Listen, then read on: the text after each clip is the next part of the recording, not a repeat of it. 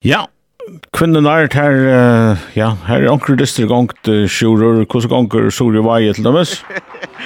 Så uh, skal jeg slå opp her. Her nøy tjan fjørstan kjente, at han har fjørde minutter.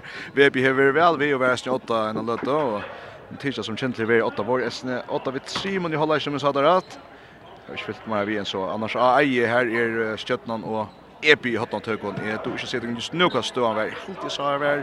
En måned til 17 i andre. Her snurta seg om manstesten. Og i møtten ST, UIF og næsta, næsta folk er og feknast her i høtlen i dag. Er og feknast her i høtlen i dag. Etter at kvinnorna har vunnet tøtninga Miklandist og næsta noen. Og hesen dysten her ikke minne tøtning. Tøtning snur seg om at halta så rimmar fast i ötlund stigen som du kan styr i Burn Her er det altså er så, at att eh, SGF er nyast. Men här är inte längt upp toppen. Tar er nyast ved fem stigen og nummer ett här framme i spörs touch stig. Her kan man ha SGF spalt og usnega dyster ganska. Her skal vi se at nesten har spalt en dyster färre än SGF og tar rätt stig framför SGF. Nesten nummer 5 i deltene vi 60 SGF nummer 6 vi 5 stigen. Og av fjärde platsen finner vi Tim Klaksvik vi 6 stigen. Och ställs i att Tim Klaksvik KF som nu testas i Kotlafyr här i reisten spänningar. Jag tror det kvällt, det får vi bara säga. Det är nöjligt över dagen som vi nu är i Hötlinge och Holsi. SGÖ börjar vid Böttenon. Joakim Jurser i mål av vinstra vondje, Peter Barkley av vinstra Batje, Svein Justinsen av Mine, Bjartne i Selvende, og høyre Batje er Jons Presta. Och nu får Bjartne Selvin det flickar väl i jökna högra backen. Det är mål från unga SJF någon. Skorar om i stundsna 1-0 till SJF. Steinar Presta i sin andra strikne har vi Ivan Merdalo. Också Steinar runt kanske igen. Första vara Ska vi två striksband kanske så Jons Presta neka i mitten tänker mitten back och bonk kanske få sån här grejer till nästa allop nu. Ivan Merdalo nästa nästan Nästa ner så så till är Alltså, vi ska få nummer Thomas sen fram ikke alt for nekver. Rasmus Sørbjød for inn i her, han spiller ut til høyre til Hans Arason, for Trønder Kragsen får bøtt nærpølten her, ikke noen never, så fyrir SJF alltid fram i Alop, litt han kjøtt fram, Bjartni og Sveiner, Sveiner oppe henka, og han rymmer skott, 2-0 til SJF, fra Alec Brian fra SJF her, der finnes då tvær minutter her. Og så lever nesten at dra. En mitt för och så stjäller det sig vattenbulten. Bjatte Selvende för dribblande fram efter. Pura en som hade Maveran och så högre han normale, så högre han normale. 3-0 till SJF där spalt i mer än halva annan minut. Vidare spalt i mer än halva annan minut.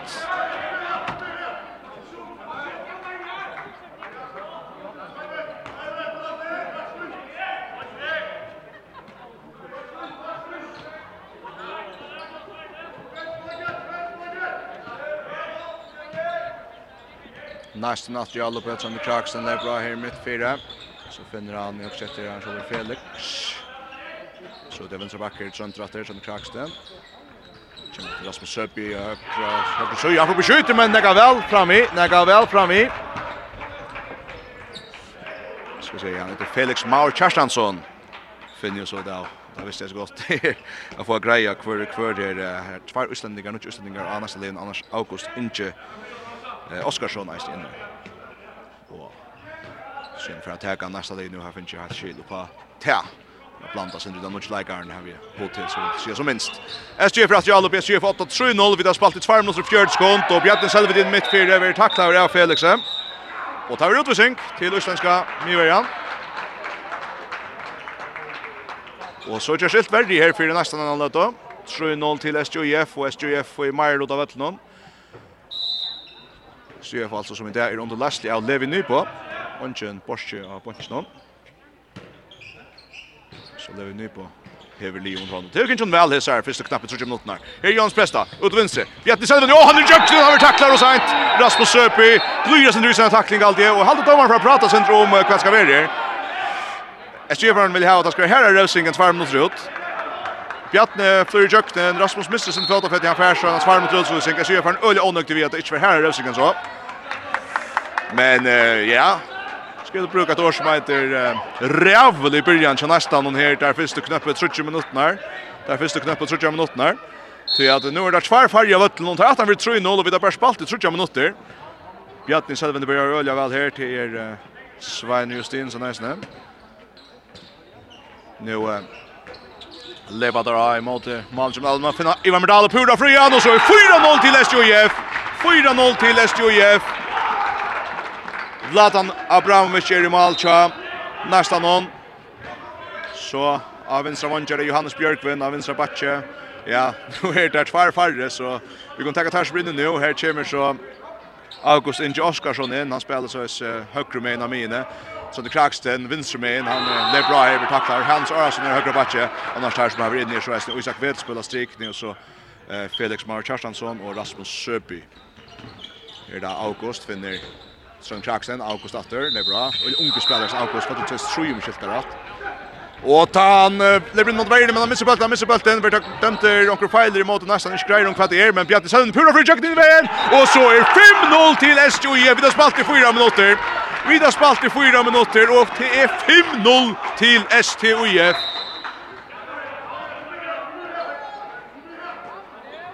Så skal nästa vakna, men det är framvis tvär färja vötlon. Det är där i 28 sekunder att träta. Få där den första mannen in och så om 40 sekunder få där vi där fullmanna här. Om det inte gör upp att välja. Nästa nya August och Tröntor Så Hans kommer runt av batchen där så är från Munchston. Så för August att ta in efter Valfärja och nu skorar August in Joskarsson. Oliver Färj Färj Ottarsson av vänstra batchen.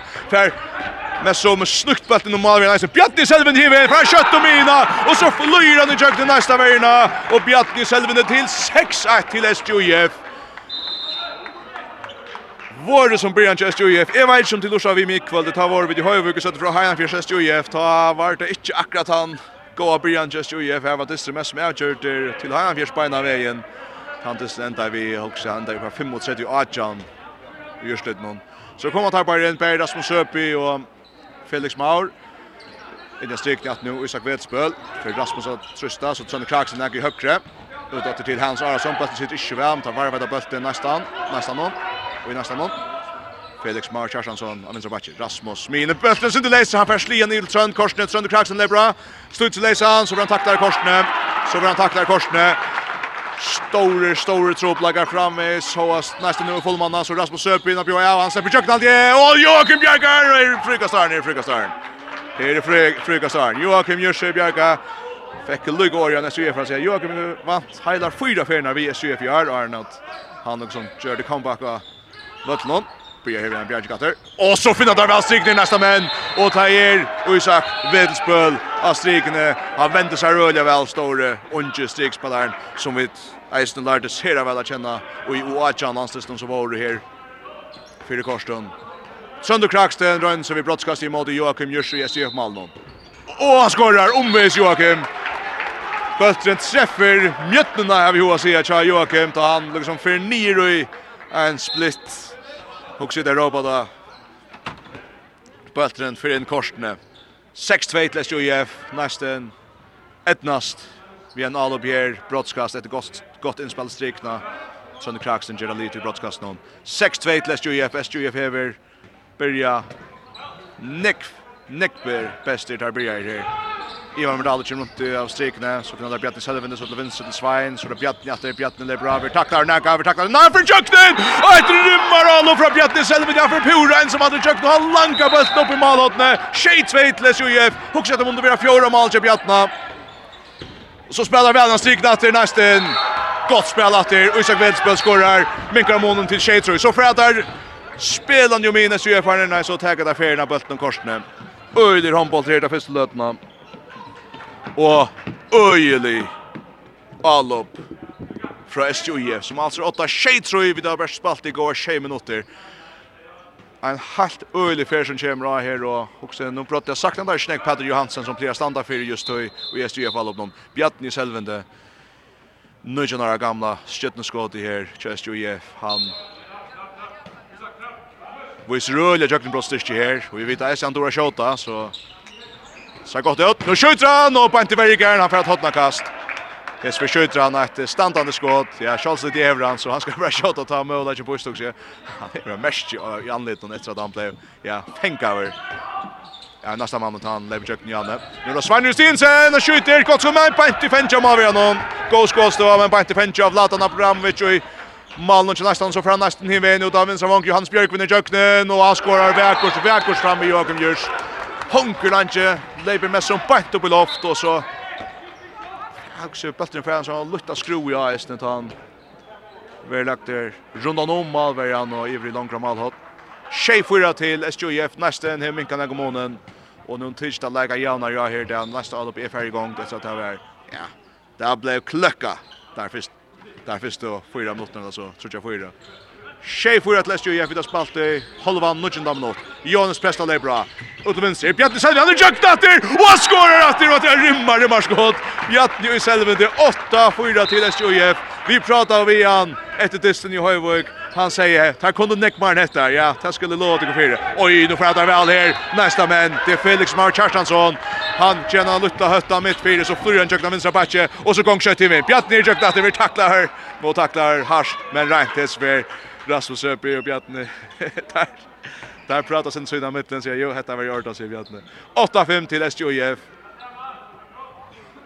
Och med som man säger hotägande handbollter här i Halse. Fralökt. Jeg ser for mendan en. Jons Presta Jalve, krossar Bjartna. Bjartna får henga her! Mavern Bjarkar, Mavern Bjarkar! Na, åh, Ivan Berdal og Tveits etter bøtten, Rasmus Tveits og Vion, der slår bøtten inn atter, og i spjall, og her, ettans altså, og i søtje, velspøyda komma, fire bøtten, bætt fyra nøsen i anon, SJU-fara. Og så, ja, skal bøtten torskast. Och så får jag ett annat steg här till att det är vi kan inte vi tog jokande för här så här halvan, ja, hentan halvan touchen där minuten vid avspalt. spalt. 8-5 till STOIF. Och här är STUF som spelar ja, just som tar allra bästa av hot till. TV fotlar för och så man måste checka vad det inte. Och det här rättnas öliga väl så där vi Bjartni Selvende som hever ver ja, är snarlös av någon Jökne Brod, sen 500 vera som rentar i Malmö. Och så spelar väl här nästan Johan Björkun åter uppe och Hesve Bjärga Joakim Jörs. Joakim Jörs Bjärgar. Kan Josh sjöla Brian vi mötte Chas här och fätra bollen och så spelar Det ser fatt väl Ivan Hebbalten Ivan skorar Ivan skorar Ivan Merdalo till 95. Efter en a skött avgrätt all upp från SJF.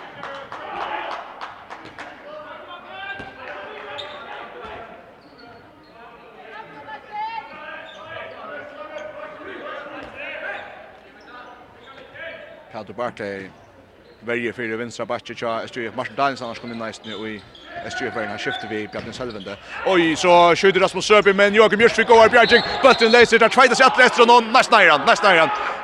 Rasmus Søby heppnas vi på fætra bøtten her ta han og en tvær SJF har tveita seg etter bøtten og han kom ut etter Bjarni fra Joakim Jørsvik og Bjarni geisne. nu har Joakim kom, kom i gang til tveim Bjarni her. Joakim har som, ja, som nog ändrar söna för det kommer alltså i KF var han en öde tjänande malvärje brott jag för att spela fotboll som skilde hur Björtsors sagt det får inte han gärna spela handboll men igen en fotboll det skulle vara glad för och så är det där Isen får fädra bollen om SJ för ner tar om man kommer att måla men Ivan Klujer i all upp så för nästan bollen åter Nästan där brater. Rasmus Söb upp och hänga och bajta stundsta kvar ända bulten ända till nästan vi frukastet det jag att han stöcker igen värlaget just ju för att ta steg innanför Och så teker Arnar Gunnarsson tjö nästa nå nästa vänner han tar time out och det är Ja, jag ska se för mig att det är sån kars kommer så jag ska röna filcha vi så här färne där gånger helt helt öjligt boa väger. Nu Berlin kan kanske bli sent och nevar och ta vart det som spelas så kött. 95 till SJF. Nästan tar time out. Och vet för hitcha kus gånger hindest. Kanske höra väl lugga. för jag pratar kan se fra Chersweller. Håndbaltren av FM1 er sender i samstarve vi, Faro Agency og Vestpak. Og i drotteren av FM8 er sender i samstarve vi Movi.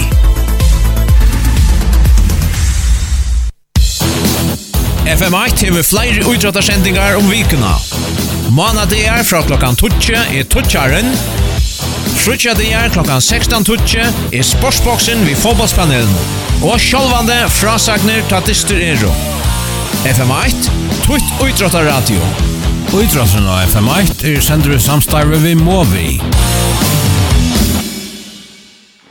Så er vi da tre etter at nesten her haft ham out her i Høpni Holse. Vi kommer annars til fest at i SMS-testen og i Vaje her er vi kjent enn lagt som mal 8 her 8 minutter resta og i så kjent til 8-4-2-15 i veie.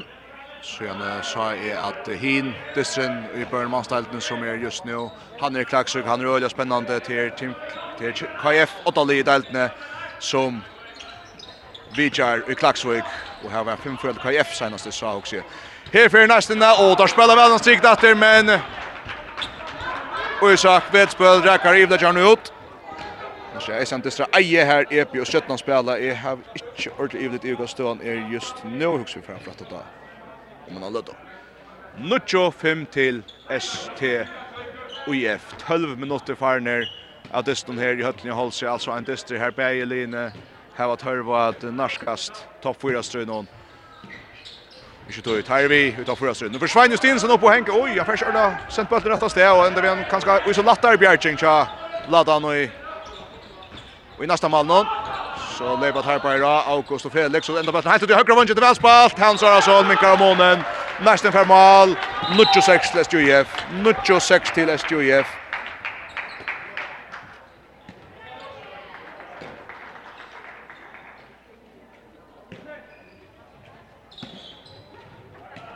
Hans Arason vid Malle. 96 till SJF. Bjarni selvete för en pause, Han har spelat stor upplevelse her, Där först då knappt 13 minuter. Martin Dansen löser ner vi alla upp Någon som Jons pressar för högra backe. Wierent Martin Martin sen plats att Steiner helt ut av vänster vanker. Peter Jökne, Peter Barkley. Malvin Bjergar, Malvin Bjergar, Vladan Abramovic och i nästa mål när vi går Bjerging och så för nästan i Albator. Halt inte släppa så kött men nu kommer där i Erbelche. SJ börjar ständra in men kanske Rasmus här skjuter om han fyra. Han vill tackla Naka. Och inte dömt eller kvätt. Han finns inte helt ut. Domaren stäcker spel någon just ta SJF från Atlas har skjutit upp. Här Rosem Jung kvaskar vi hänt där. Domarna döma malkast till SJF, alltså till Rasmus som skjuter om han fyra, men det är en lite sambrest i skålstöden, men domarna säger att det var rätt. Så SJF i bulten, SJF framvis 8, 9, 6, 13 minutter farne av 17 av 7. 13 mot farne av 4 håller inte. Det är 17 distance som är det, kanske det här är. Och det är inte som att det släpper att slappa nek över här till den 17 distance, det är øyelig like for vi det vittne til.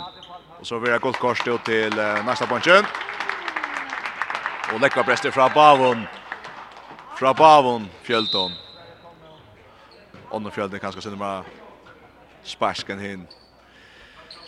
96 till SJF Holver 14 av nolte färna för att här spela där ute högra på axeln där kastar bollen stigna Ivan inte akra vid någon men bollen är läs ända till Vildar ner vänstra Vonche Patterson i jöknen spelar kvar vidare och nästa man vill ha att dra Dralla Jonas Lebra Marsten mittfältare ett SJF som är i Albe ute högra vång Steinar kan inte jökna ner Skallan hentar sig Johannes upp att trusta ut Svein Justinsen han försköta Ulle Kroos på att ända på intervention till Malveron Vladan Abramovic Bjargar och så kan nästa fram fram minka ner i två mål måne. Fetcher Rasmus Öby här, han får in i måte, finner Felix och August.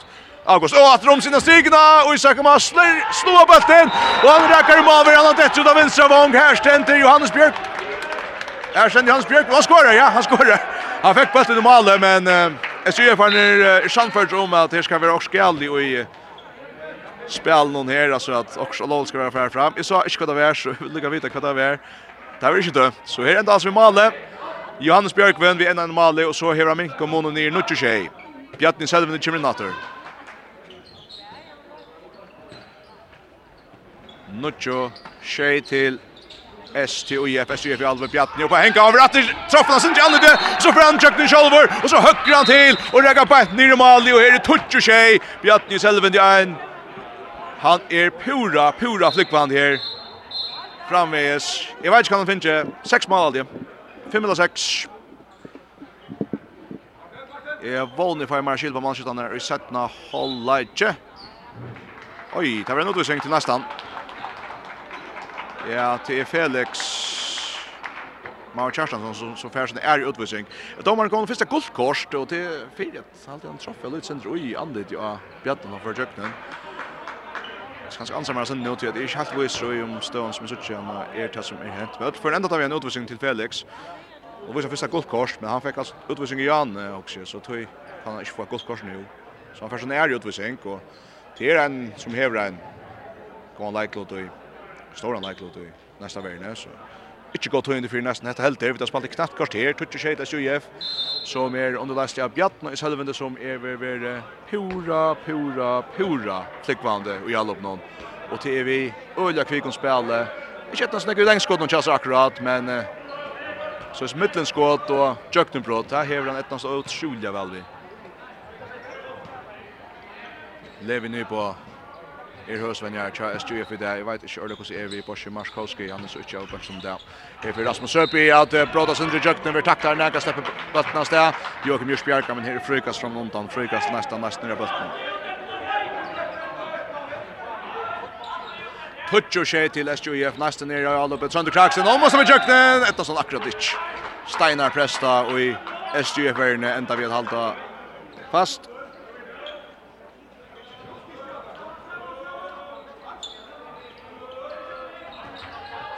Det är lepa där Nästa män Rasmus Söpi in i mål.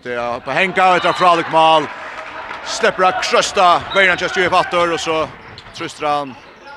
Ja, så släpper han upp fra, så är spänt ja, brottskastlinjen eller så så är känner vi den också väl att här är inte det mal Malver som kommer bjärga hemskottet och kommer ta från hand någon Rasmus Söby 28 till SJF nästa minka som månen hes för undertas över väletna. Svanjus Sinsen kommer in att tre. PSG Jones pressar upp på Henka och Bøtterfritjen! Han hentar vi over Bjerga og Rachel var malinjene. det her er en blokker fire bøtten. Missa sentraferien dette nere i Mali og Vlatan i nästa mål någon ska uh, toucha sig sent efter för akkurat helt bulten ute och så kan nästan för fram och Mikko Mono ner ett mål.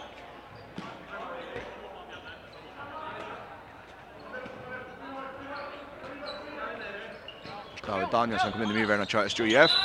Sentra Sjani Steinar i presta. Nu er Steinar og Ivan Merdalo, nekka ut i høyre syrkja styrir som får stekka vinstresøyen til næsta mån. Frøykast næstan. Næsten spiller utan Malberga. Uh, halt, ja, han kommer inn nu. Der er fullmann her nu. Så spelar det ut högra vånk nästan. Hans Arason för kom Jöknen. Eller mycket Ishkom Neve helt där. Så drar han där krossa battlen. Strik det. Och Ishkom Neve och etter väl spalt. Och så skorar han nästan väl. Tutsjo nutsjo till SJF Nästan hemmen kan i rätt Malamone nu. Nästan hemmen kan i rätt Malamone nu. Bjartin Selvende. Och han tredje bulten bänt i Lekvan. Nästa manne til Oskarin. Og ska med. August Inge Oskarsson heter han, som har lyst seg allmänt öliga väl, öliga kvicker. Hooks inte näga gå om jag skulle ha vant jag fär, men brottiga ständer där tar emot i Alvinchne. Just ju, så kan nästan brottliga Jauna. Och Isak Vetspöl, minkar månen till touch nutche. Öliga går strikspel samma vid Rasmus Söpi här. Där har han avtal om att han ska bara lätt han så vi såg när jag säger här inte så för kan komma så ska Isak nog vinna sin tvåtest och komma till andra bult. Och skorar sig öliga väl här efter lägger han på på något jag Joakim Jörs. Rasmus Søby all upp här innan mina Trent och Kraxten innan Vinstra back här. August han måste bli jökten och skorar han vill helt in här i frukastaren. Här i frukastaren. Karl Marsten Olsen är kommit in och strikna nu. Orsen striks på där i Burntalten i fjör. Jag har inte vi så näck och så tjuv början. Här leper Trent och Kraxten ut från vänster här. August han kommer till och ser och skorar. August in Oskarsson. Janar touch touch för nästan. Janar touch touch för nästan och Levi Nybo teker fra til grøna korset för Ivro lekket av på det så i timeout till SJF. Jaunleigur Touch touch. jeg røyner minnes i hötten. Jag fick inte skriva ner typ, jag ska se akkurat som är. Jag missade domarna sitt. Ehm så, men jag gøtt for å si Bjarni Selvind her framme er helt flikkvande, och så nu sen så i et August Oskarsson och i Så nästan är ordet kom för sig. Det är näka till helt gå i hos hans ball här till gör. Eh vi tar lugga kvar här står lock och kvar här hjälpt lock och kvar framme så uppropna sig från en där som är där här vid har hon någon sig helt alltså. alltså. så. Handballtrena FM1 er sender i samstarve vi, Faro Agency og Vestpak. Og idrotteren av FM8 er sender i samstarve vi Movi.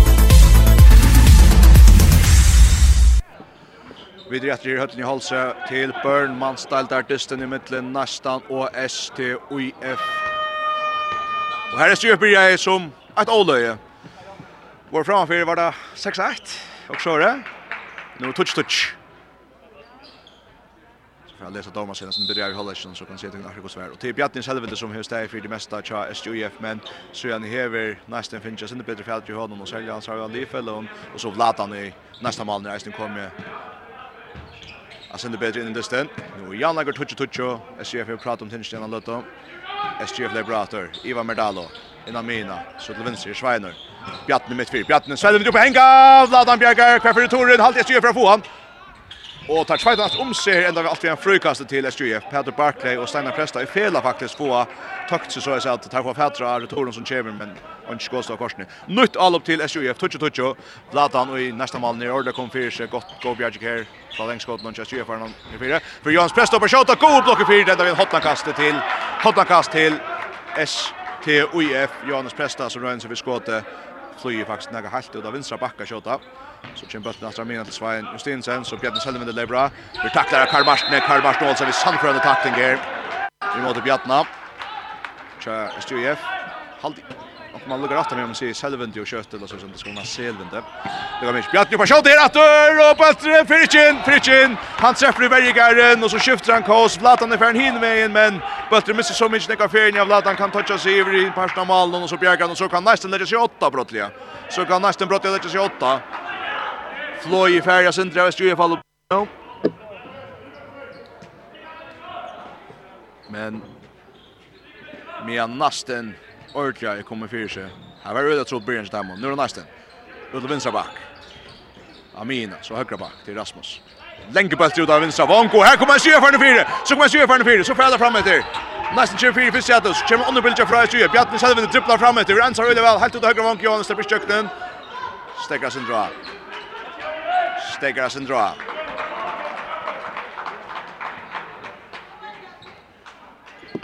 Tuccio, Tuccio i mittelnes, Tjuje og nästan. Og SG i Jalupe. 20 minutter, 30 sekund færen. Der første Tuccio-minuttene var SGF best. Var vel framanfyrir. Der neste Tuccio-minuttene her er nesten jauna. Mest ju letar efter sin alla spel nu. Jons Presto på höfta över tacklar väl. Nästa i botten han är frykas Jonas. Jag vill tackla också om igen och färna fra och nästa men ser att det är en ren tackling och Jonas säger att han vill fort i luften. Ända vi en frykast. Eh?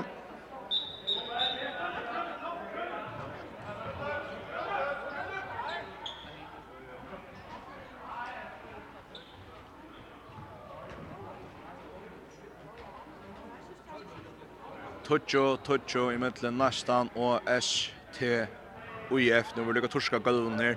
SUF er skor igen gjennom lenga då.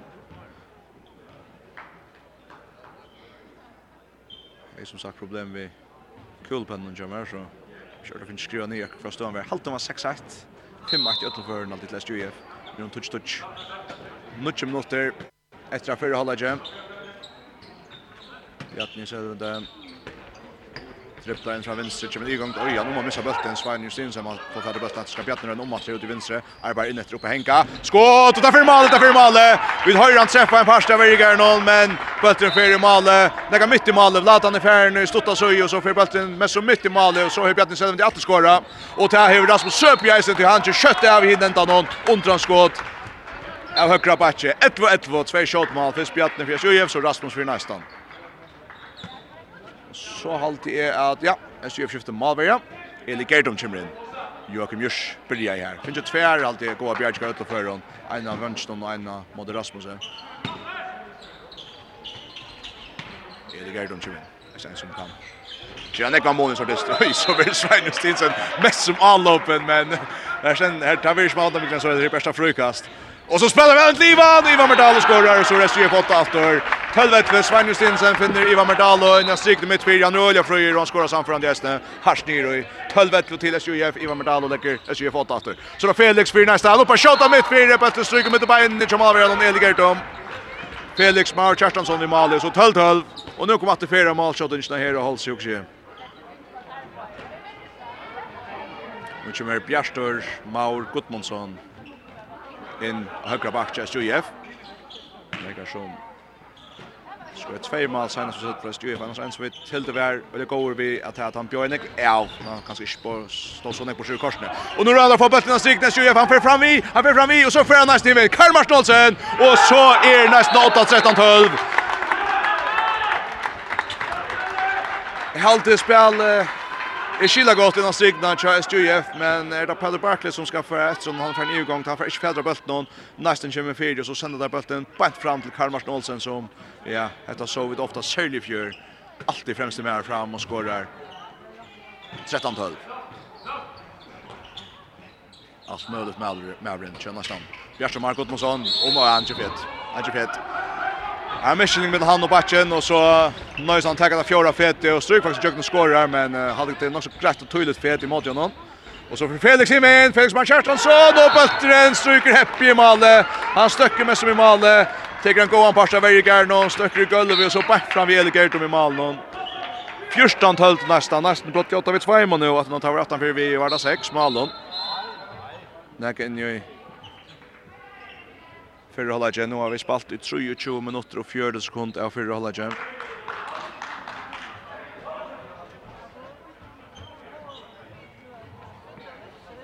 Annars ikke støvna av eie, her i 26-15 til stjøttena.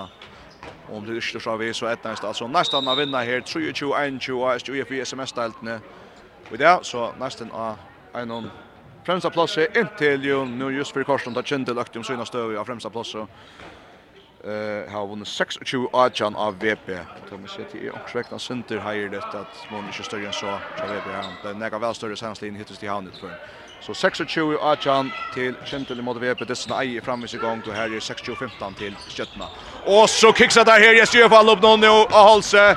Pura ofarligt men tar plägga bollen bort så för nästan hiven Johannes finner Felix. Felix pura frier och så är nästan åtta vid Simon 15 12. 15-12, Hollywood satt dem mot etter av fyrra hållet Og her er pura vent i hålen, Dyssen Koppauer, atla veien. Fra at SJUF rann nesten om kort av første løtene, var i åtta vi 5-6 mål, det kan det være. Så er nesten nu 8-15-12 etter at vi tar spalt i 24 minutter og 40 sekunder. Martin Danielsen inn her, för SJF hötta inn ner mot høyre, og så bøtter läggs rätt for för annat det er Atte Kjølsmanager, til August han pula fra Gjør! Og mål og så er fyra mål av måned, 16 12 og nå sier at det er kör her, vinst med med SJF Lövne. Det sa så godt ut at det kjøtt tjöta med fyra når Luttar løter så igjen, og nå er det brottliga Ekna Brian i nästa lövne som var jag sender Iva som tar första lötna. Tej. Måste vara Nega vel hoa bättre nu. 16-12 till nästan. Martin Danielsen flyter bulten fram här för SJF. Öliga crushet dem så det Bjarne, Han ska göra kurs den med som han håller igen. Svein Justinsen i vassa center finner Martin Danielsen så hötter han att Bjarne Bjartne ut mot vänster Svein och så Bjarne på Henka och drar skål och Presto stånd där in och nästan för bulten, nästan för bulten. Nästan för bulten. Häppnig vi. Unga SJF har man nu ett rätt. Samfrådet skott men där för Bergin langa bulten. Og ståndsna ut. Og så kan nästa nu lägga sig åtta i fyra malen. Det är inte tror för luktar löd söjande.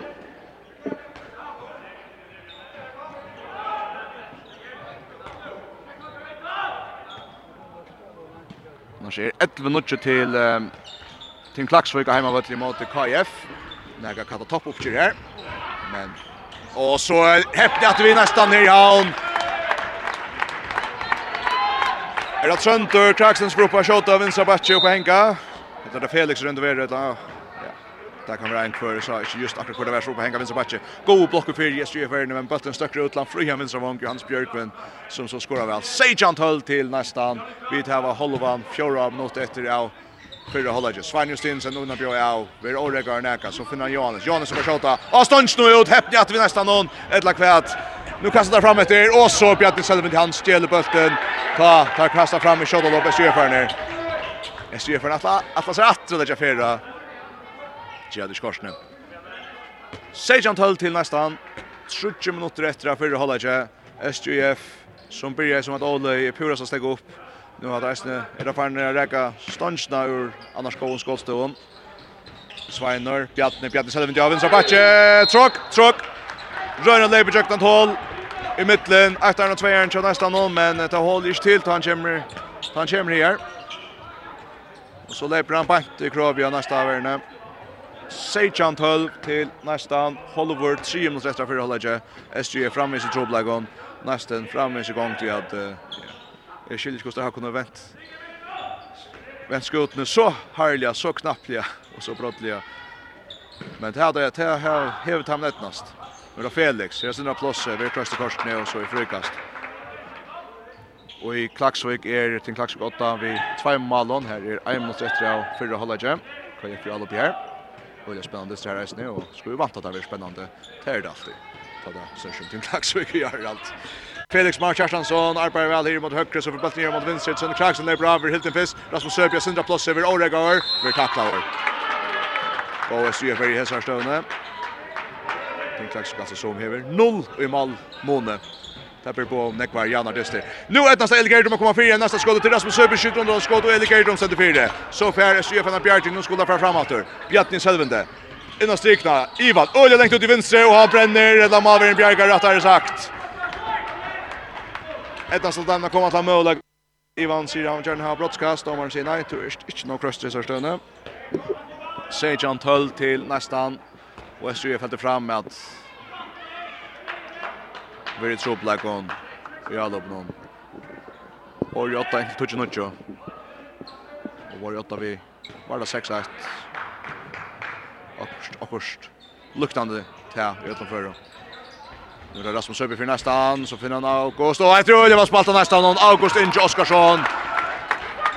Bulten sitter sin rattan för han han kommer goar för i av vänstra backen men han touchar lucka som armen att Romsö för fätra bulten och så är frukt i jöklen nästa ju så skorar han nästa samförande här efter.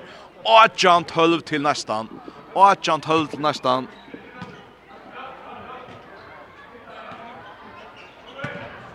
Och nästan som Hevet Förskra tack om den dysten. SJF-arna som render i stein. Nu finner där Ivan Merdalen men go verja. Till August efter tja nästa någon som kommer inom. Ivan Merdalo förstärker honom man kommer jöknen. Jonas Presta från Krabatchi uppe hänga. Finner Bjarne Selvendi. Han är plats att skjuta här och det är ett rymmar rymmar skott upp i målet. Så ett nästa goa crosser Bjarni Selven det mest som frukt hoppet skott av 90 meter och han langar bollen upp i nät i Herbergs touch sekund efter och hålla hållet nästan jag uppe och han sätter den nästan ut högra vång Hannes i jökten Hannes Arason. Rymmar mål gott mål för Hannes Arason och så är Nujjan 13 nästan och här är Stekkor här håller går Og i Klaksvik hever Team Klaksvik lagt seg 8 vid 3 mal og 12 nødje til. Team Klaksvik her i Hollag går 9-13 til nesten altså etter, etter en fyrre Hollag her. SGF byrja som et åløy og vær lengt, lengt 8 av første løtene Bjartning Sædundra flikkvande flei bøkstavlig i kjøkkenen verna til nesten noen men så stekker jeg opp og så får nesten og tar gakken til atler bjergjøkker atler Värje stöver till att minka första månen jauna och så nu öch upp i sex mål av månen. Nu kan sätta nästan efter fyra halvlek Vi den täcka 12 nutcher till till Klaxvik och i Klaxvik och i hesson avbra spännande handbollsstenen och i Bermansdalen nu annars är det som er stedet. 1.30 nå till støttene mot EP och eie här i 6 minuter efter och det är mer spännande att här her, Ja, det er välstum kus och särsta till att uh, börja så ju så börja för hållet så ska nog bli spännande men nästan så åtta här vi sex mål under sätten hållet och till efter en uh, fyra hållet här SJU för åtta att man får minuter vi 5-0 Så gärna uh, ett nästa kom upp på 6-8 och 6-2 och så får nästan igång. gang. 6-2 att det 6 minuter att 18 vill spalt i var det ja, Nuja minutter så javna i nästan till touch och touch och ta för där från 5 till touch och touch och så igen ja från stön touch sig till SJF så skorar nästan 11 mål av det och är nu åtta Nujan 13 vi håller här. Bjarni Selvend skorar 8 SJF mål här i mitten Och nu får Isak Veld spela fotboll Det är nästan någon. Han skjuter faktiskt vinst i hand, men får inte in Joakim Jurspjärkar. Och så får Standigar Hive, Steinar Presta, Jag grejer på ena vägen. Jag vill ha spalt i 30 sekund.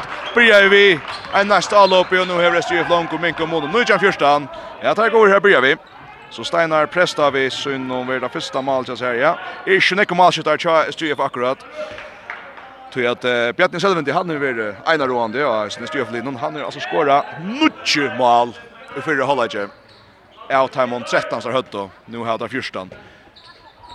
Vi kan ta nästa mål skjuta när man löte. Nu för det och ta för inte att Johannes Björkvin att skor här på en för jökten och Larsen Bröder jökten blir Orekar och Neck av Johannes och Presta och så i brottskast till nästan sönder Kraxen för att hacka.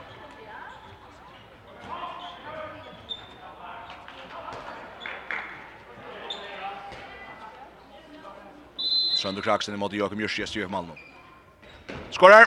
Sönder skorar. och så är 20-14 til nästan.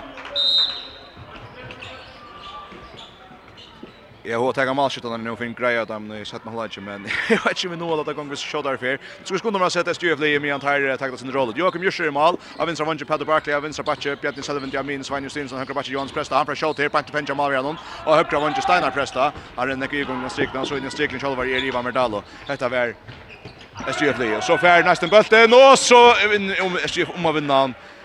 Sveiner fær slie ett inspel borster, men ta ända ut til hodnakast til nästan. Nästan så är man är till Vlatan Abramovic i mål. Någon så vinstra vann Hans Björk och vinstra Bacci August Inge Oskarsson Amin minen Trond Kraksten och högra Bacci Rasmus Söpi och högra vann Hans Arason och in i strikning Isak Wedspel och i värjen är Felix Maur Kjarsson har kommit in. 20-14 til nästan, vi har spalt i 2 minutter av setten av Hollage. August Ingel er bra her, Udamin her Trøntor, så høyre bakker Rasmus. Stekka deres en dra, Rasmus er nødja fyrra nu, for godt fra høyre vanskje, så Udamin her Trøntor. Leber August av fra vinstra bakker. At min, så høyre bakker, Rasmus. Han flyr i kjøkkenen, og Størbjerg i brottskast, det er brottskast. Han fintas i kjøkkenen, vi er helt i nekko, her skal eisle fettan utvisninger, eller Peter. Peter Barkley, Pater Barclay.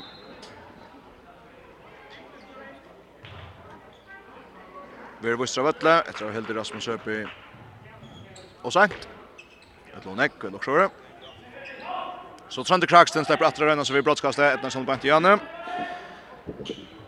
Alt er så tryg sin i det her rønnse. Eli Gertum er i Malon, Nørkjøs Og bøtte for nekka, nekka så vel om han fyrir som, ja, Trønder Kraksen har nekvar abætje i førskund håndbolt det at det er et av hans minne, minnelige brottskosten, det må vi säga. Genker helt gale tjån og yra seg øylet. Ja, det hender ångtøy. 20-14 til næstan. Næstan for ikke mal her i brottskastet, så skal SUF byrja gagnet og Krausson. Bjärström Mark Gottmansson kommer in. Han kommer nu en vinstra gång till Hörnch på Peter Barkley nu. Han är ute och sänk. Och Jamal Vin Chester UF Jons Presta lägger pressa frá från högra backe. Jons bästa över helten och frikast.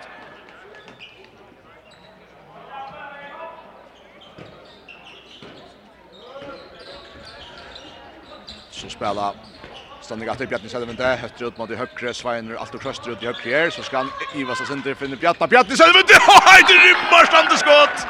Att höjer det skott. Tutchen om all Bjarni. Tutchen om all Bjarni och Bjarni har Oliver Ferna bjöd out till att vi skulle chosa veckorna likare. Oj oj oj oj oj. Han var han var en ändå han fräv vill säga men det var Det har talt ikke nekta, jeg sier for jeg flokk til Bjøyvøk. Mikvall, her har han være nekta bäst i sjöver av vettlan. Här är Sagan Vetspöl och han sackar nu.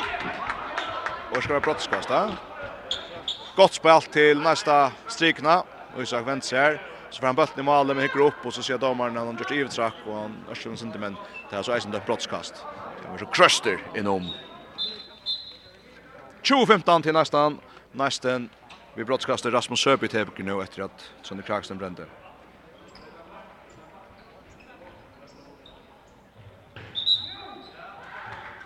så kommer en utvisning. Eh, nu är det kjørt av Det är Svein Stien som är Wister ut. Så är det så jag fattar tvärmans i minuta.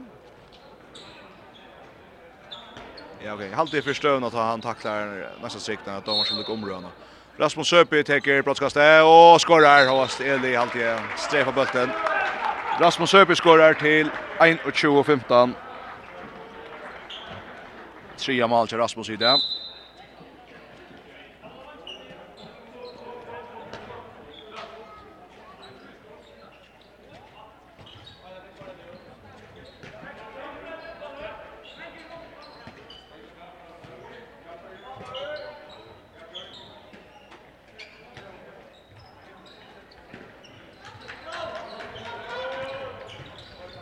Dahl, Bjarter Sandingar, Bjarter Maur, finner Bjarter Selvinde, så til høyre Jons Prestan, og der finnes den første Magnusen, Jons Prestan på shot, og nega vel om han fyrer, nega vel om han fyrer, ikke godt skott fra Stjøf Jesum før en helter.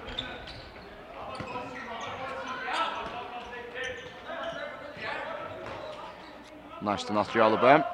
Vi vet ikke om vi får være noen stor spenning rundt her som vi, ja, vår sinne bench, jeg har fattelig, jeg ser ikke, shot-up-prosesser, jeg bryr vi, men nå er det nesten som Nej, men att så släppa att det sista när Rasmus finner stiger öle väl och Isak Wedspel skorar efter. Tre mål till Isak.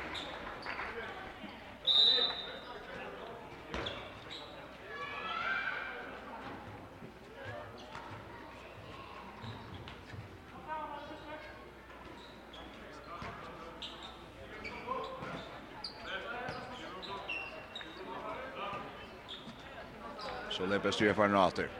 Bjärste Mark Gottmansson. Att Jans presta högra backe. Och vänster runt om en tackling men och Klaus då i frikast. Är det frikast?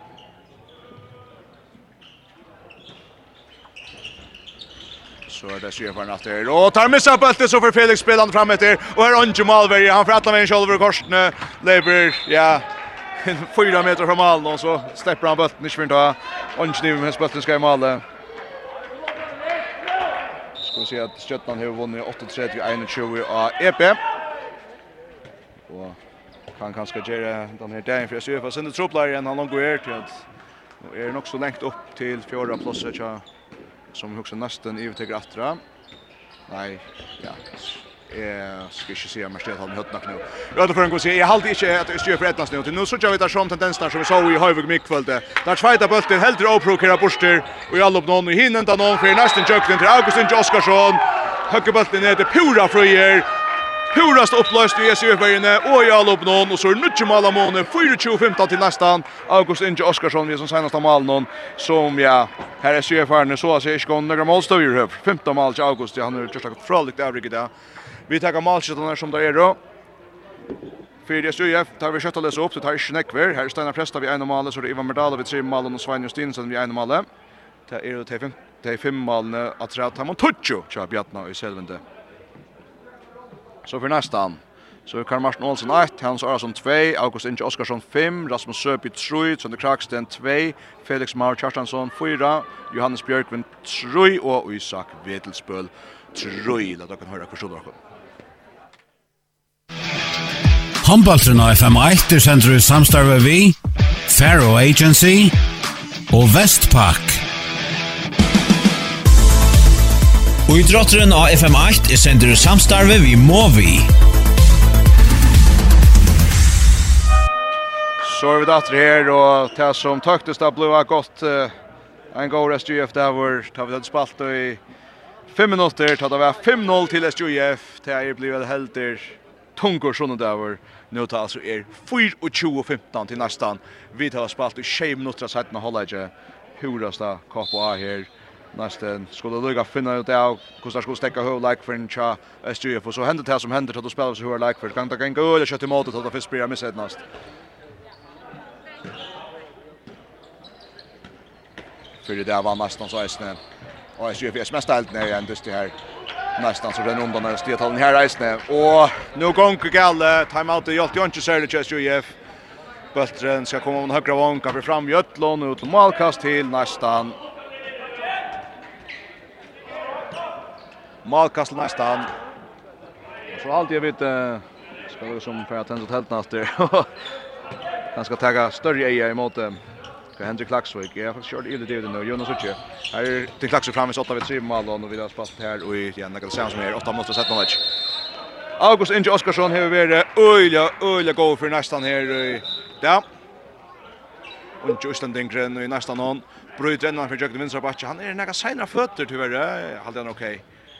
Joakim Jörsson där vi har bjärkat ha August för Jökten men det var brottskast som Rasmus Söby för att ta sig av. 4-2-15 till nästan knappt 8 mot Farner och Rasmus finta Malvejan till Ärosöjna så lägger han fram vid till Hinnasöjna 25-15 touch mål av månen till nästan Rasmus Söby vi så mål nummer 4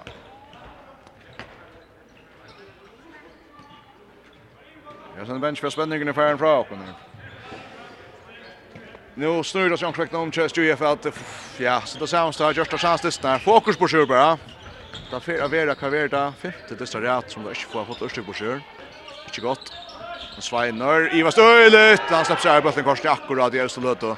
För han själv brattar upp och skjuter Sveinar och ett gott skott. Hötte fisk. Ja, som vi såg han fyrt inne. Fisk ska hötta och så flyta blockan sig och så langar bollen i mål korsne. Frejste fixerar malvärjan över till Erosöna. Sveinar Justin som vi hoppskottet.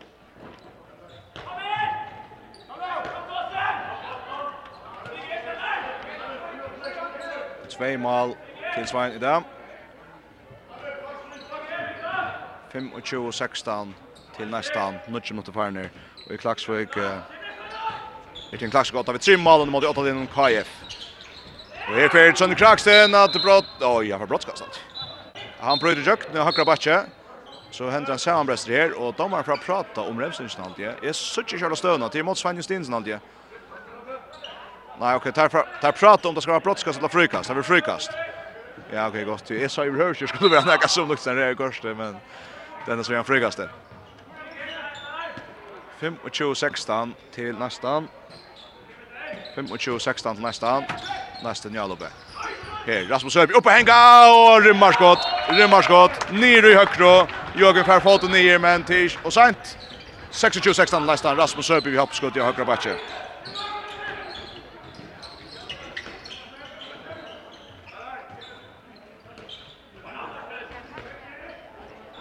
26-16 till nästan Rasmus Söper vi ser 15 mål i dag.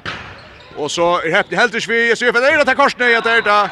Svein Justinsen langa bötta stångs nu ut men mitt fyra sen driva med Dal och striken och författar i torn och så för Hanna Kars kom just ju mål.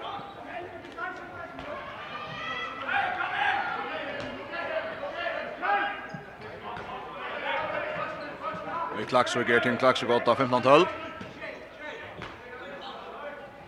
her nästan lengt lengt åtta vi nutje mal og 26 sejan. Rasmus Sørby oppe henga og så tripplas i jöknen etter Väkersfärre och effektivt färre. Åtverjan är färre efter skotten och någon så tripplas Leisan och skorar här efter och så tjej ju sejan. Här färra oj gott mål från David Danielsen och högra Oj ja, samförande vi högra hånd och högra vantje i skottlobben. i jöknen och så touchar han sig och skjuter bulten perfekt. Nere i Longra, in.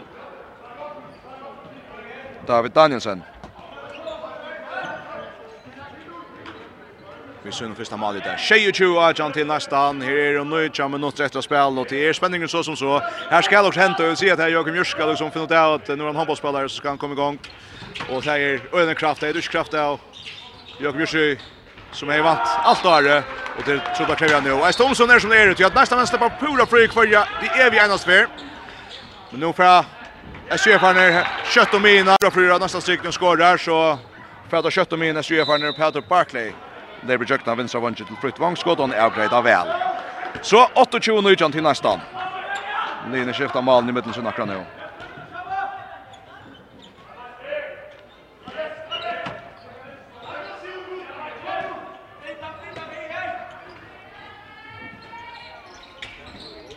Så er det Johannes Bjørkvind kom inn, og ikke nesten var inn. Han er inne i han løter rundt hver skal sette i gang.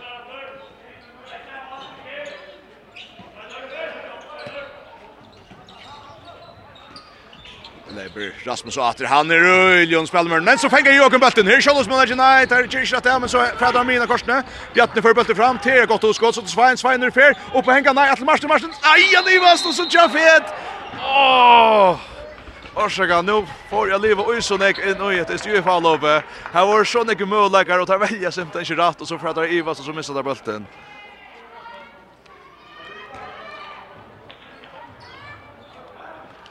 Så kommer det alltid natten handbollsist. Och efter sen det det samme irritasjonsmomentet som vi har oppe i Høyvøk, Ta möjligheten är her, så så skal man vara sent mer aggressiv. Lasten, er det her? Johannes Björkvin. Oi, er det matchskott fra Johannes Björkvin. Johan Björkvist och så pratar och kött om in så för ner nästa men kommer alltid väldigt stöve. Ja ja. Johannes Björkvist. Ja, vi skrassar till första fjärde mål här. Ursäkta men är det Johannes Björkvist? Johannes Krax när då. Skilj kör det kvart. Ja. Jag hade feilen till att jag feilen till att Askilja samma namn så ska ett namn. Johan Skraxten skorar sitt första mål. Och där vänstra backen och träffar allt mål. Träffar allt mål. Jans Kraksten ska se. Jag kände vi att han spelar som Sally Brillen och jag säger. Goldens backer. Snabbt en helt onkel tjänar nästan upp. Jonas Presta nu kommer gott hoppeskott eller gott jöknenbrott. Hoppar jöknen av högra backen. Minkar munnen till Nucci 20-20. Och så förtjänar Kraksten hinvägen. Oj, han fängas sin sent all det brottskast. Och ut. Eist Det var Sveiner som förut. Han får pura läser jöknen uh, Tröntor och så blir han fänga och sent. Nu 20-20 till nästan SGF Atri, Minnet ut av öppnen. Rasmus Søby vid en annan brottskast. Han smalt Ölje väl här till hans lötna. Ska han skora att nu till Eli Gerdum ständer för under malen. Oj, langa bulten igen i iverhånd upp i malhåttne. Eli Gerdum ständer som nälter. 3-2 till nästan nästan en flyer av ötlån i tvær minuter och SGF är ju all uppe och SGF skal... Uh, jeg vet ikke hva det skulle gjøre det godt. Jeg ikke rett som jeg for at spekulerer ut høy akkurat. Og det fører ned da. Trobolt. Bjørsten Mark Ottmansson kom inn at Kiva spiller ikke nesten noen. Sakna øyet på Johansen. min ikke vilje til første Her Svein Justins at Jans bästa på Henga och för in. Häppna Lutsen vi någon till att bulten Brodvin neck bryter bryter Kos i Vergarnon. Latan i nästa mallen färden. Till vänster och bulten för högre med Malvian. Så tar jag nästan time out 3-2-21 till nästan Jonas Prestan nu att vi Malle. Alltid fightar vi hans andra i det. Og så er i malskjøttene så er det er Bjarni Selvente vid Tutsjo, Steinar Presta 8, David Danielsen 8, Svein Justinsen 2, Petter Barkley 8, Jonas Presta 2, for alt lavera. være. Og Isak Velspøl 4, Jonas Bjørk, Johannes Bjørkven 3, Felix Maur Kjartansson 4, Sønder Kraksen 2, Rasmus Søby 5, August Inge Oskarsson 5, Hans Arason 2, Johannes Kraksten 8, Karl Marsen Olsen 8 halvt til en nøkke lunda. 32-21 til nästa nu vi måste vara komna in i det senaste korset här i ett så Nujan 13 var håller stövan. Alltså, en dyster här är SG för 8-5-0 efter Gustaf Löte så är det kapa i allt. Purast då. Vi tar några kurs kurs då locken idag. Handballtrun FM1 er sender i samstarve vi, Faro Agency og Vestpak. Og i drotteren av FM8 er sender samstarve vi må vi. Og så kommer vi næstene Stafest alt i Klaksvik er dysten som vera man tattor. Her i KF Mikka i ett Eitmann og Moni her har et eis ekkorstyr etter leika. Her vil ikke en stor spenningur til skulde gynnsi halt, halt særlig løye om til skulde etnans SJF at teka lesten 18 lesten som nu kom opp at 1 og 20 Jeg kjenner jeg stedet stående fyr, at jeg også sier at SUF i sånn kjøtt og spille kom kjørt for nesten, og så gong det bare bant inn ved en stegen. Nå enda det vi at Erik Gerdum fer bjerga, ta Karl Marsten Olsen kjørt fyra strykne, Karl Marsten Sinter skal bruka flere rønter for å fædra bølt noen, og tog ganske skålstående Sinter ikke så løtt, og Erik Gerdum enda i bølt noen. SUF i Albe, set 21, 14 mot 1 att spela och i Klaxvik är 15-14 till Tim Klaxvik och här är det 14 mot 1 att spela som Leis. Här är Svein Justinsen, renner skott mitt fyra och till Rölja gott. Det är rimmar skott från Sveine. Tria mål i honom också. 3-2-2. Vi har hade ganska ett av det som jag syr ska göra. Här ska fäktas om, ta god stöd och ett av en av timon. Och att Svein är ner där och Svein kan det där. Oj, kommer hör tackling mot Rasmus ända på den ju så tjä. Ända för en frikast det. Nästa väl inte nökt där. Ska se hejta lägga Janar han nu så hejta vi några väl med röfta Askraflossen det är ju så ju. Det är öle och sen jag vet en är och vi halsfjältna och domarna. öll för ända där vi en frukast till nästan. Rasmus och domar har pratat sig om utifrån så spelar vi handboll åter. Finner Hansen kom in upp på hänga. Finner Hans Arason. Han kommer att använda runt av binan nu och högra vänster. Finner ända ner högra backen. Stäcka sin dra. Bollen läser. Johan Schacks ända akra vid honom. Det ska han göra nu Johannes? Atle Finn och så drar det där ja. Halta istället. Så drar där och SUF tar kvar bollen. Bjarne Söderlund innan Björn. Han fyrir jöknen och brottskast. Och ett eisnäga negativt skulle ta vid SUF om näka här det att er att vi söker framvis Svein han kan framvis så ser halt halt över skotten som vi tar så här i alla hans rätt höj och så Schulmern Bjartne i selvende han ska nog ta över ett ölet orre här i all upp någon oj eller så ett här så det han ska köra upp Bjartne och Svein och tar över broadcast nu och skorar. Bjartne Selvende som flyger jocken och pressar och blir tacklad rätt i harst så för broadcast så Svein Justinsen som sätter in nätet Shema Lamone. Det ber til, kjøs UF, efter, det ber til. Men jeg har kjenslen at uh, nesten tid ikke fått en halta spidaren enn dette. Og er uh, SGF eisen ferien at mannsfeir Rasmus. Så det er Johannes Kraksten. Oj, et rymmarskott atter fra Johannes. Johannes Kraksten med sin nørmale, og til er så er knappt renneskott mitt fire, som försökte opp og hoppa, men for opp å ta, og så langer han bølten bænt på Merigeren og i Male, Nyrøy. Fraligt mål från nästan handen. 1 och 3 vid 23 till nästan 12,5 minuter efter Jonas Presta in att bjå av och på Henka gott färre men gå Björge Geiste och så för Karmarsen Tuskan i himlen han är högra vänster ser han färren Hans Arason och så är 2 och 3 2 3 och 2 till nästan och till nästan Hans Arason vid en mål Hans Arason vid en mål Sia till honom där för att lavera Annars är det tvåboren Roker Ara som kommer in av vänstra vankaisna. Ja, Klaxvik här på Ting Klaxvik vi att uh, Halton Lassla. Två mål Amoni här, Seja 15. Och nu atlar uh, nästan öch att rätt. Nu bjärgar det åter framåt till Hannos. Hannos i vissa center in Karl Marsten men här kommer Stefan ner i mitten. Här kommer Stefan ner i mitten. Och Klaxvik minkar KF på månen just nu. Och så spelar Sjef väl här i hand. Det är gott spel för SJF. Nu lever det då. Vi går för och går ner like och Peter Barkley den i gång av vänstra våncho så vi klurar för Jack mitt för det. 32 för 20 men kan om honom till så Sauna Örslet över Nevan Skaka just det sån. 2 och 3 för första till nästan. Vi mot SJF. Og etter fer at hava några sia för stiatalna. Jag vil boja sönder vi at ta stiatalna fram til dessen i livor til at her fer flytast nog som det är. i mun til Ørslit i Klaxvik. Hannes Arason, oj, han bryter Ødevel Jøk ned, men nu kommer Gå Bjergjik fra Edekertom, og så fræder kött till Sjø Færner. Fram til Ivan, etter velfære, og han tar oi, så han rymmer oj, oi, oi, oi, oi, Ett Etter resten søvan, så tar det gärna gott, så stendres over i fyra. Vladan Abramovic vi Öljar Bjergjink, Ivan, han fær bulten, han är främst, han er Rasmus Aser, så gjør han øyelig vel å komme rundt om Rasmus og i tid av fria chansen, men så stender på alveren fire her etter og stenger en opp på Bjergar. Det er ikke bare jeg som har en etter Dustin Klaksvik. Han er nekkmer spennende enn hessen, det må vi bare ha sanna. Her er KF i Alubi, her touch mot etter, her er Sejan 16 til Klaksvik. 32 fyrstan til nästan. Her er det 12,5 minutter etter, og så halte jeg, ja nei, bare ender 18 for mål her, Klaksvik. Så Tim Klaxvik var med lasta. 16 Tim Klaxvik. En touch mot rätter. Och är Johan Sjaksen upp att gå och stöder men för fram i för fram i och så kör han upp till Lesjöv. Oj, finner han så. Ha för för lyckan i åter. Han svetsar fyra för korsbult ut inkast.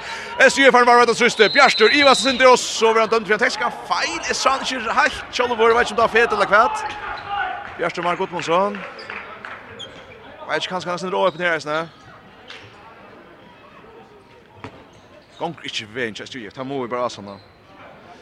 32-24 til neste an. Bang fram London, Johannes Kraksten, oppa flikva av vinstra bakke med skjuter fram vi. Så da finner Hansson.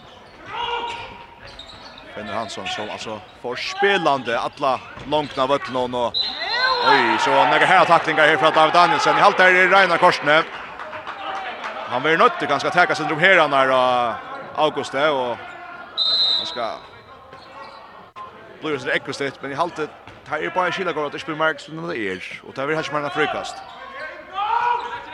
August, det er bra vinstra bakke, på henga, Will Finn, Finnor, oppe skjåta, oi, Finnor Hansson, ja, som vi plattir kjenner han nesten. på henga mitt fire, kanskje kjøl høgt, men no høgt til å få bulten fram i vergarnon. Bant om han fire hentnar, og omkron i Sjøferne. 3-3-4-2 til næsta, Finnor Hansson maler. Hoppas hoppeskott mitt fire. Tre målverje SDF som Simrin nu av Ötlen. Det er Marskos, eh, norska Marius Berg. Nej, nu ser jag skarpt. Han heter Marskos E. Jakobsen.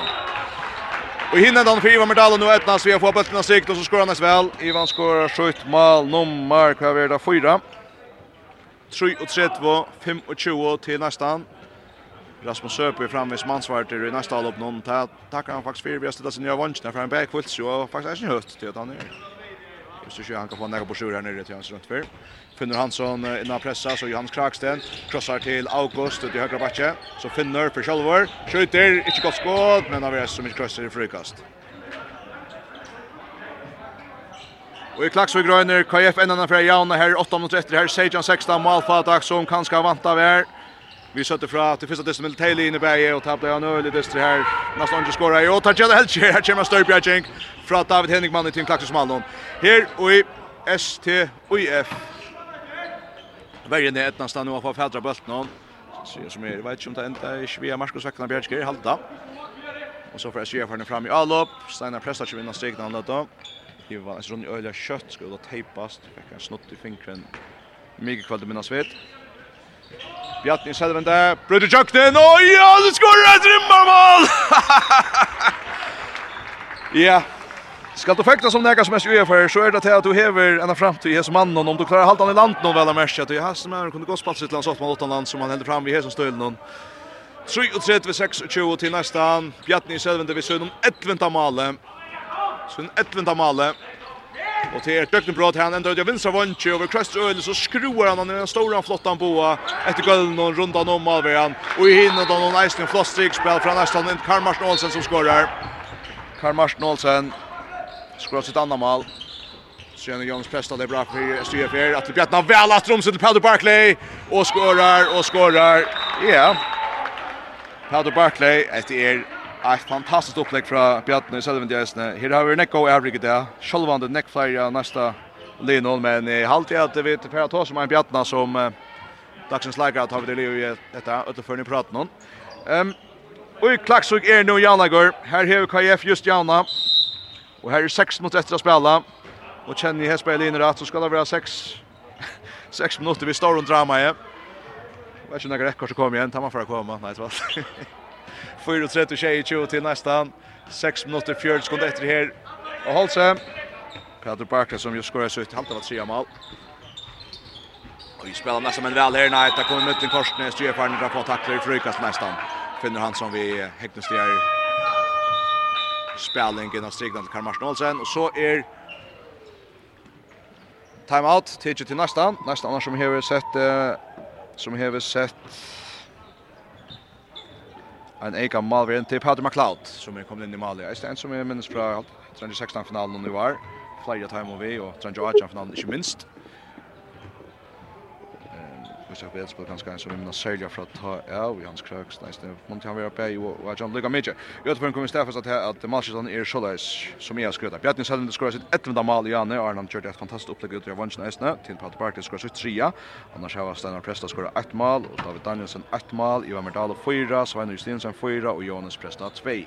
Etter man vil ha gå Aska takk ska ta sig fyra Der Nästan Där har vi Isak Wedelsbøl av fyra malon, Johannes Bjørkvin av tre malon, Finnur Hansson, ett mål, Felix Mar Kjartansson, 4 mål, Trønder Kraksen, 2 mål, Rasmus Søby, 5 mål, August Inge Oskarsson, 5 mål, Hannes Arason, 3 mål, Johannes Kraksen, 2 mål, Karl Martin Olsen, 2 mål. Her er altså 4-3-20 till nästan 6-25 sekunder efter. Inte store spenninger, men här är det i Klaxvik ska vi lov for. Her hever til Klaxvik att det lagt 8 vi 1 mål, och här är 5 minutter etter mot 8 linon, KF KF har ikke tapt enn hetta Kappengraret. Her har hatt tvær jaunleger, annars sikrar bæra. Der har han jaunleger mot Kjelle og en mot Justin Klaksvik. Og det er ikke hoksande at Hørsted skulle enda tidsi. Sidig hytje her, KF i Alope. Og Tim Klaksvik får fædra bøtten nå, Og der fer skjøtta lopp. Veit ikke om det er bjøknen. Vi har til føren til Klaksvik var veit der. Støvna kjøs her. Åta i måte Kaja her Klaksvik. Og skoreist til 20 Jan vi Ludvig Ludvig Sunasson. Ja, yeah. Det gjør det. 20 til til Klaksvøk, og i Klaksvøk, i måte KF. Her er det går 4 mot 1 å spille. Her er det knapper 6 mot 1, 4 mot 3 ved 22 til nesten. Nesten som i Romana. Og her er det her, så igjen videre spalt, og i kvarteret og så. SJ blir er best. 5 mot 3 ved 22, Hennes Arason vid Søgnon, 5. male. Fjorda, feil og faktisk lavera. Nå er det ikke nærjetter. 35-22 til nästan 5 minutter, 25 sekunder etter. STF Jalopä, Jons Presta, høyre bakke, kører han inn til Bjørst Maur Gudmundsson. Steinar Presta, det er bra vinstra bakke. Kjem til dere, vel spalt, nei, så vil det hyllene her. Ja, ok. Ikke frygast til SUF, og bøtten endar i Maltain och tja nästan hon här Peter McLeod och Malno kan föra fram och tagga fädre bulten och så för nästa det för Öcha. Jag vet inte om man sätter sån innan Nysens Malien sån dyst det ska nu vill du gärna vinna vi touche. Öter för en kommer Staffas att SJF färra om det är steget länga turen hem så får han kännas kjennes lenge Det är inte være att heppe, en heppen sån där för jag ser för Halse. Ta tøktes han løtt, alltså. Jag ser kvinnor var åtta, i håller inte mot nästan noen, enda vi er tappa i tvei mån. Och här var männen alltså åtta vi 5-0, att han lukter löt och men ända vi altså, vi har vært grøtt, at han för lång vi håller inte någon Og så er det svær spenning om Mørslidet. Nå spiller der vel her, neste menn, Roger Arason, men så Størbjørn Kjeng fra Unga Malvera, noen trust jo Marcus Jakobsen. Jonas Preston bra. Upp och hänga. Rymmarskott. Öjligt mål från Jonas Presta. Upp och hänga högra batche. Svajmar väl och så lankar han bulten upp i målhånd. Målhåndne. Vänster med sig alltså långra målhåndne. 35 och 28 till nästan. 4 minuter efter Jonas Presta vid målet trea till honom. Och i Klaxvik är att ett mål av Måne, KF är mycket ner i 20 och Janne och för att en Klaxvik, men Asne missar bulten så kan KF är upp. Och här och i havn vinner sig upp bulten nu, tack om färra kött i all upp, helt nästan kämpa plats. Och i Klaxvik eh, tempo är sin minne, oj. Då får Jonas efter Jökten i Hallenger, öle gott av här för väl Jökten men Jag vet inte hur det kan gå omkring. Vi har kröstat ganska att Everskuld sin dårek av med bulten, för väl fram i malen. Så SGF får ikke mål her. 35-28 framvis til nestan. Tjej mal av Måne, halver fjord minutter etter. Og Hannes Arason. Og i tjøkken høyre vantje, godt plass og skårer. 36-28 til nestan Johannes, nei, jeg skal med, Hannes Arason. Vi femma, femta malen just her. Og i klaksugrat i anlegger, KF Janar 2020. KF Janar 2020. Jonas Presta är bra her i havn. I måte Bjørste Mark Gottmann sinne. Om å steppe leser vil han takla vår frukast. Her er Hollywood 3 minutter etter i Klaksvøk. Team Klaksvøk og 8. 20. Nei, sikkert. Det er jævnlegger i Klaksvøk. 20-20. Team Klaxvik er i Alupe. Der får ikke mal her. Det er just uefeldig skjer. Der blekker bølten helt och prokurer borster og i Alupe chans här. Og så För nästan i alla batter, vet inte om det Atlas är att det öka. Rön efter en touch mål av mån Ganska ut och penta så tjupa sajten eller så. 36 28 till nästan här här är 2 minuter och 20 sekunder efter och i Klaxo är just 2 minuter efter här 20 20 och till Klaxo är så alla betydligt mer öliga strilte. Så jag och Björn över. över släpper långa kaffe av och. bock. Öliga fjärstör och så skorrar han ur en 12 meter Vi har en ontranskott. 21 20 till till Klaxo. Ja ja. Hade vi sett oss ofta så hade vi varit mer offer. nu är det Sjöbergen som akkurat kommer fyra tar Roger Arason när de har fänger sig bulten. Frukast till nästan. Frukast nästan. Öjlig spänning i klacksvögt Ja, må vi säga. Här, oj, du gång det efter galt jag för. Men Marcus Jakobsen vid Störbjergink. Mot Karl Martin Olsen ur fröjärstö vid strikne. Go Bjergink från SGF Malvianon. Och så rönnar där kastar bulten av strikne. SGF har ner. tända vi en frukast.